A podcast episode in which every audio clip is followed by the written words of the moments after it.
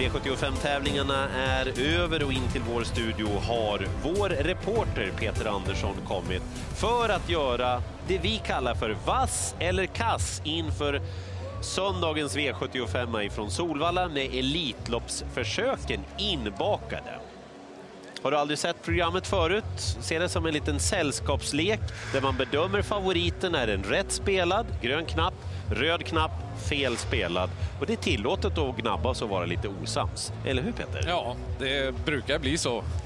Söndagens V75 från Solvalla. Många riktar ju fokus mot lördagen eftersom det är så stort intresse kring V75 då. Hur ser du på det här Sandra Mårtensson?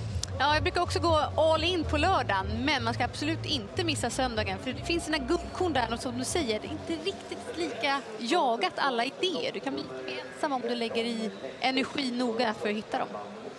Eh, Micke, mm. att Elitloppsförsöken ingår i ja. V75-spelet. Vad tänker du om det? Det är ju raffinerat för att det är ju inte helt givet att man, att man till varje pris vill vara eh, först i mål där. Så att vissa favoriter där kanske inte kommer köras, eh, inte för fullt liksom, men man, måste, man offrar inte allt redan i försöket. Man måste fundera. Måste, vi, vi måste tänka på det när vi spelar.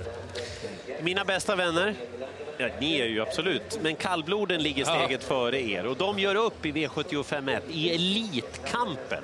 Alltså kallblodens Elitlopp i V75s första avdelning. Här är det alltså en miljon som väntar vinnaren och favoriten att bedöma kommer från Finland, heter Parvelan Rettu.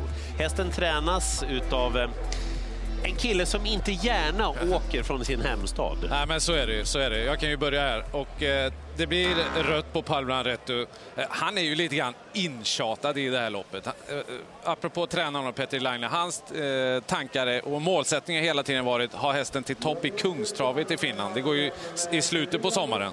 Men blev intjatad hit, du måste vara med, det är bra för travsporten och allting. Och det är klart, alltså, det är en vansinnigt bra häst. Det är den bästa hästen i loppet. Men han har bakspår, han kanske inte har 100% form. Men han kan vinna ändå. Men hästen här, just den här gången, det är två Evarti. För där kan vi snacka om att den har siktat hit. Alltså den har siktat järnet hit. Nu är det barfota runt om. Det är väldigt sällan den går med det. Eh, varit väldigt bra den gången, de gångerna som den har haft det. Den älskar varmt väder som det har blivit. Eh, alltså det här är verkligen vrålet i loppet. Oh ja. Inte lätt att ta vid efter det där. Ja, jo, jag gör det faktiskt. Ja. Jag, try jag, trycker grönt på Parvelan rätt och, och säger att han är 26 procent. Eh, jag tror inte att han är helt klar, men jag tror absolut att han kan vinna. Han, har, han är hiskeligt snabb och på sista långsidan kommer det gå undan. Men jag vill också varna för nummer ett, BV Rune. Jag vet inte om ni såg honom efter galoppen senast, men eh, det är få hästar som, som ser så bra ut på den nivån. För min del blir det grönt bara på att han kommer hit till Sverige. Alltså wow att vi ska få se honom live här säger jag. Bakspåret behöver inte ens vara negativt för han har haft lite problem bakom bilen att hoppa från början. Det kan vara gynnsamt och jag hoppas att han ger mig gåshud på upploppen när han bara sänker ner huvudet i sin sedvanliga stil och blåser förbi dem. Men jag förstår dig Peter också för två i Varti på läget också. Kanske går att låsa på dem Det tror jag är ett bra lås.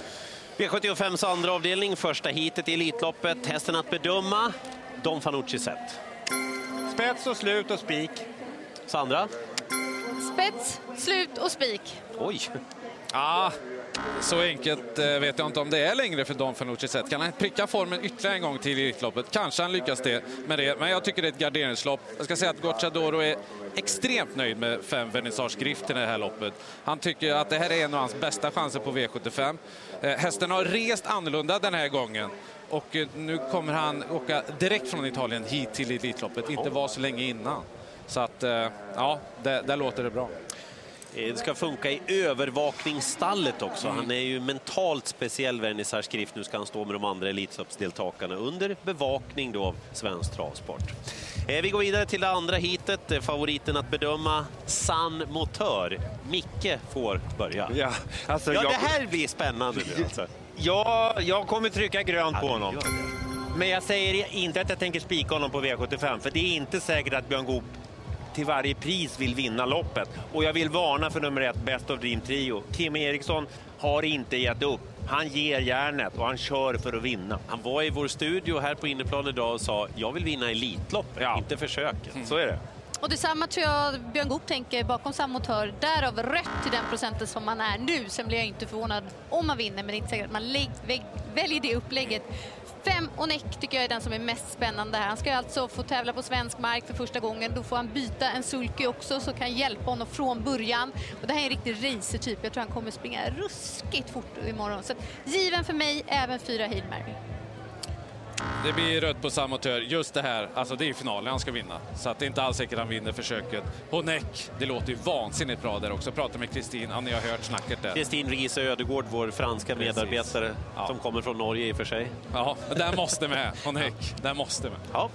Eh, vidare då till treåringarna, en miljon till vinnaren här. Det är treåringseliten, hästen att bedöma, älskar att vinna travlopp. Det är Novato nummer tre. Nu får Sandra börja. Ja, då blir det grönt på Novato som inte gjort ett dåligt lopp hittills i karriären. Är obesegrad efter sju raka försök. Och det är klart att han ska bära favoritskapet och procenten tycker jag överensstämmer där runt var, var tredje gång. Men i och med att de är så orutinerade så tycker jag ändå att man ska gardera vidare. Och det jag tycker är spännande är sex Jin Yang som imponerat på mig. Det man ska tänka på är att han inte är så snabb från start. Men klaffar det, då gör han det på seger. Mm. Ja, det blir rött på Novato. Det är ju ganska orutinerad kusk i sammanhanget där också. Och hans eh, andra häst i loppet, John Tesselard, som han kör själv då, fem Daniel Hassilar. Jag stötte på en, en eh, spelklick från Benelux här ute på stallbacken. De kommer gå stenhårt på Daniel okay. Hassilar. Okej, okay. nummer fem alltså? Exakt. Minst lika bra som stallkamraten. Ja, eh, jag, jag, vet inte. Jag tycker att det där comebacken han gjorde senast, eh, Novato sa ingenting. Det var ett litet fält han vann på en 15-tid. Det var knappt något lopp. Nummer ett, Epsom As, eh, tycker jag borde vara favorit. Tar ledningen, har varit extremt bra tycker jag för, för Ulf Olsson. Vi går vidare till fyraåringseliten för Stona och här är drottningen favorit. Hon har tjänat nästan 20 miljoner kronor nu. Joviality som är jättefavorit att vinna detta. Hon kommer från seger i drottning Silvias pokal. Ja, det är en otroligt bra häst, men hon fick bakspår helt fel dag på året. Alltså Elitloppshelgen bakspår, det måste bli rött. Och Gocciadoro är tok uppåt på fem Don Segar. Eh, otur med galopperna på sistone. Just det. Mm. Eh, nu är det barfota runt om. Han vill till ledningen. Han tror väldigt mycket på den här. Hur länge fikade du och Alessandro idag? Det ja, det, mycket information. Där. Ja, det, det, tog en stund, ja. men det var det värt. Ja, Joviality är ju en kanon. Hon har tjänat 18 miljoner. Hon joggade hem drottning Silvias pokal senast. Eh, bakspåret ser jag bara som... Det gör att folk kommer gardera, inte jag. Nej.